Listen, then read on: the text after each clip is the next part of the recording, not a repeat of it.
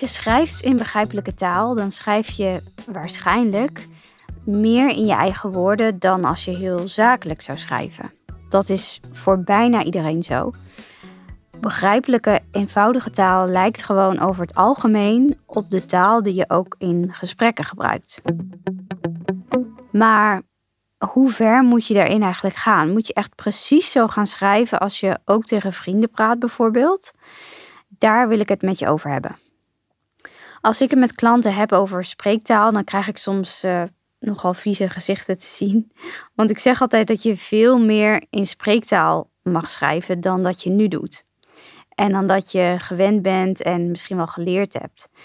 Dat wil zeggen dat je veel meer schrijft op de toon en met de woorden die je ook gebruikt als je met mensen praat. Want gek genoeg zit daar vaak een groot verschil tussen. Als jij met vrienden praat of iemand tegenkomt in de supermarkt of met iemand praat op een verjaardag of zo, dan gebruik je misschien heel andere woorden en een andere toon. Je maakt het minder formeel, dus minder netjes, uh, minder officieel, minder zakelijk. Maar misschien vind je het raar om dat ook in je geschreven teksten te doen naar klanten of cliënten of inwoners. Want voor veel mensen is het zo dat als ze gaan schrijven, dat ze dan opeens andere taal gebruiken. Dus ze blazen een onderwerp wat meer op, ze draaien er een beetje omheen. Ehm, ja, misschien ben je minder duidelijk omdat je extra veel woorden gaat gebruiken of opeens in moeilijke woorden, uh, met moeilijke woorden gaat schrijven. Dus van die ouderwetse woorden waarvan je denkt, nou ja, dat klinkt chic, dus die gebruik ik dan maar. Dus zodra je gaat typen, dan verandert er iets in je taal, in je schrijfstijl. En het wordt dan minder begrijpelijk. Maar ja, is dat erg? Uh, die vraag die uh, kreeg ik laatst en die vond ik al interessant. Is het erg dat er een verschil zit tussen spreektaal en schrijftaal? Misschien is dat een mooie om het uh, eerst even over te hebben. En daarna over hoe ver moet je dan wel of niet gaan uh, in uh, schrijven in spreektaal. Dus is het erg dat veel teksten formeler zijn dan als de schrijver ze zou uitspreken?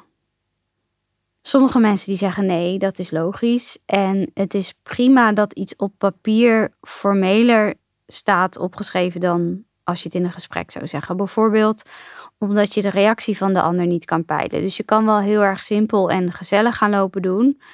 Niet mijn woorden, maar uh, dus gaan lopen doen, maar je, je weet niet of dat past bij de lezer. Dus kun je maar beter veilig, formeel, netjes schrijven, want dat kan iedereen wel waarderen.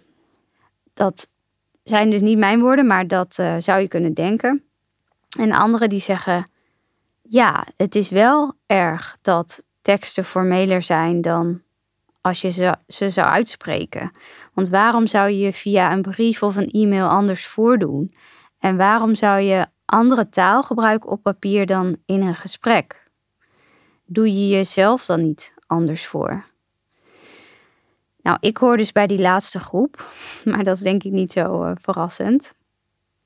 Kijk, of het echt erg is, ja, uh, wat is erg? Er vliegt natuurlijk niks in de fik als je in een mail naar een klant andere woorden gebruikt.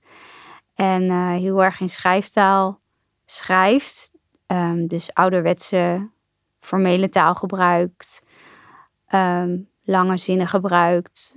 Wollig schrijft. Of bijvoorbeeld woorden gebruikt als geachte, reeds, desbetreffende in zaken, dat soort dingen.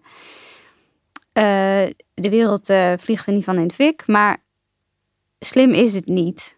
Want als je een echt duidelijk verschil hebt tussen spreektaal en schrijftaal, dan zorg je voor een afstand tussen jou en je lezer. En dat is niet die sfeer die je wil hebben. Nog even los van dat formele ouderwetse taal je geld kost. Uh, omdat ik dat zie als moeilijke taal. En dan heb je de kans dat de, de boodschap niet overkomt. Dus dat je lezer niet doet wat hij moet doen. Of dat hij gaat bellen naar de klantenservice omdat hij iets niet snapt. Maar wat je wel wil, Ehm, je wil dus niet die, die afstand door die formele taal, maar wat je wel wil is uh, menselijk communiceren, persoonlijke communicatie met je klanten, je huurders, inwoners, patiënten. En je wil ook toegankelijk zijn voor iedereen. Tenminste, ik denk dat je dat wil en dat je daarom deze podcast luistert. En je wil betrouwbaar, empathisch en behulpzaam zijn. Dat krijg je voor elkaar met begrijpelijke taal. En begrijpelijke woorden zijn waarschijnlijk jouw eigen woorden. Of woorden die daar in ieder geval dicht tegenaan liggen.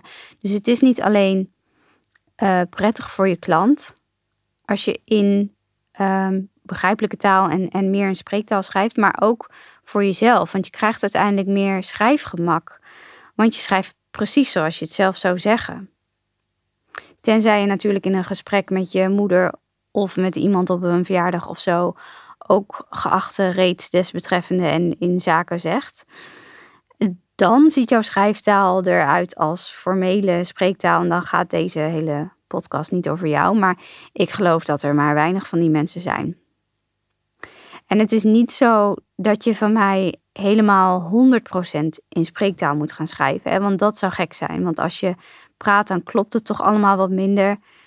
Je maakt een keer een zin niet af, je zegt um, en je gebruikt ook gezichtsuitdrukkingen. Ehm, ja, dat, dat kan niet. Natuurlijk, je kan, je kan misschien minder makkelijk zo'n gevoel overbrengen op papier.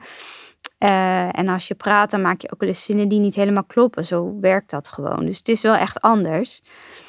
Um, maar juist omdat je ook in een gesprek de mogelijkheid hebt om jezelf te corrigeren, is dat niet zo erg. En omdat in een gesprek het ja, vaak niet zo officieel is, is het ook niet erg. Maar ja, weet je, wat is spreektaal ook? Hè? Je moet spreektaal niet zien als populaire straattaal of zo. Of taal waarbij je je luisteraar niet serieus neemt, dat het allemaal grappig klinkt met gekke woorden en alsof je er een geintje van maakt. Yo, deze regeling is vet lijp, maak er even gebruik van, ja. Ja, dat was echt mijn uh, beroerde poging om te praten in straattaal. Ik ben een beetje te oud voor, maar goed.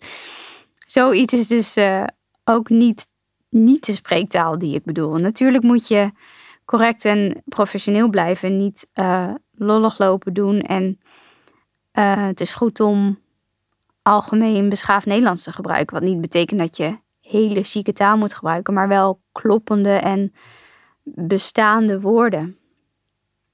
Maar wat ik wel bedoel, is dat je bijvoorbeeld woorden als immers, heden, preventie of woonachtig, nog even wat van die moeilijke woorden, dat je die niet gebruikt. Dat past niet bij begrijpelijke en eenvoudige taal. En als jij met iemand op straat staat te praten, dan zeg je toch ook niet dat je ergens woonachtig bent denk ik. Nee, dan vertel je dat je ergens woont. En in een gesprek met een collega zeg je toch ook niet: heden gebruik ik die nieuwe koffiemachine op afdeling 2. Nou, ik denk dat je dat niet zo snel doet. Ik denk dat je in plaats van heden, nu of tegenwoordig gebruikt.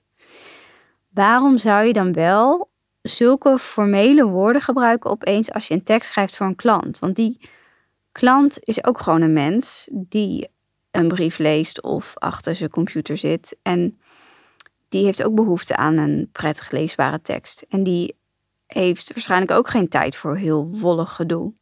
Achter elke klant, achter elke lezer zit gewoon een mens. Ook als dat mens hoog opgeleid is of een hele brede woordenschat heeft toevallig, dan nog wil zo iemand niet door een tekst heen ploeteren, maar die wil ook direct zien waar het over gaat. Die wil ook dat het duidelijk is. En als jij dat gewone mens wil bereiken, die erachter zit, en als je wil dat de boodschap helder en duidelijk overkomt, dan is het goed om veel meer spreektaal te gebruiken dan je gewend bent. Niet 100%, dus niet één op één uh, precies hetzelfde, maar ga er wel meer naartoe. Dus schrijf zoals je praat. Want dan zorg je ervoor dat klanten je snappen. En dat je toegankelijk wordt voor je doelgroep. Wil jij in de teksten van je bedrijf ook meer spreektaal gebruiken? dus schrijven in normale mensentaal en niet meer zo formeel en wollig, laat je dan begeleiden door mij via mijn groepstraining of mijn één op één coachingprogramma van een half jaar. Dan gaan we samenwerken aan begrijpelijke taal voor jouw organisatie. Ga naar vet-simpel.nl. De link die vind je ook in de omschrijving van deze podcast. En dan kun je klikken op de knop met gratis gesprek. En dan plan je vanzelf een gesprek in mijn agenda. Succes met schrijven verder en tot de volgende aflevering.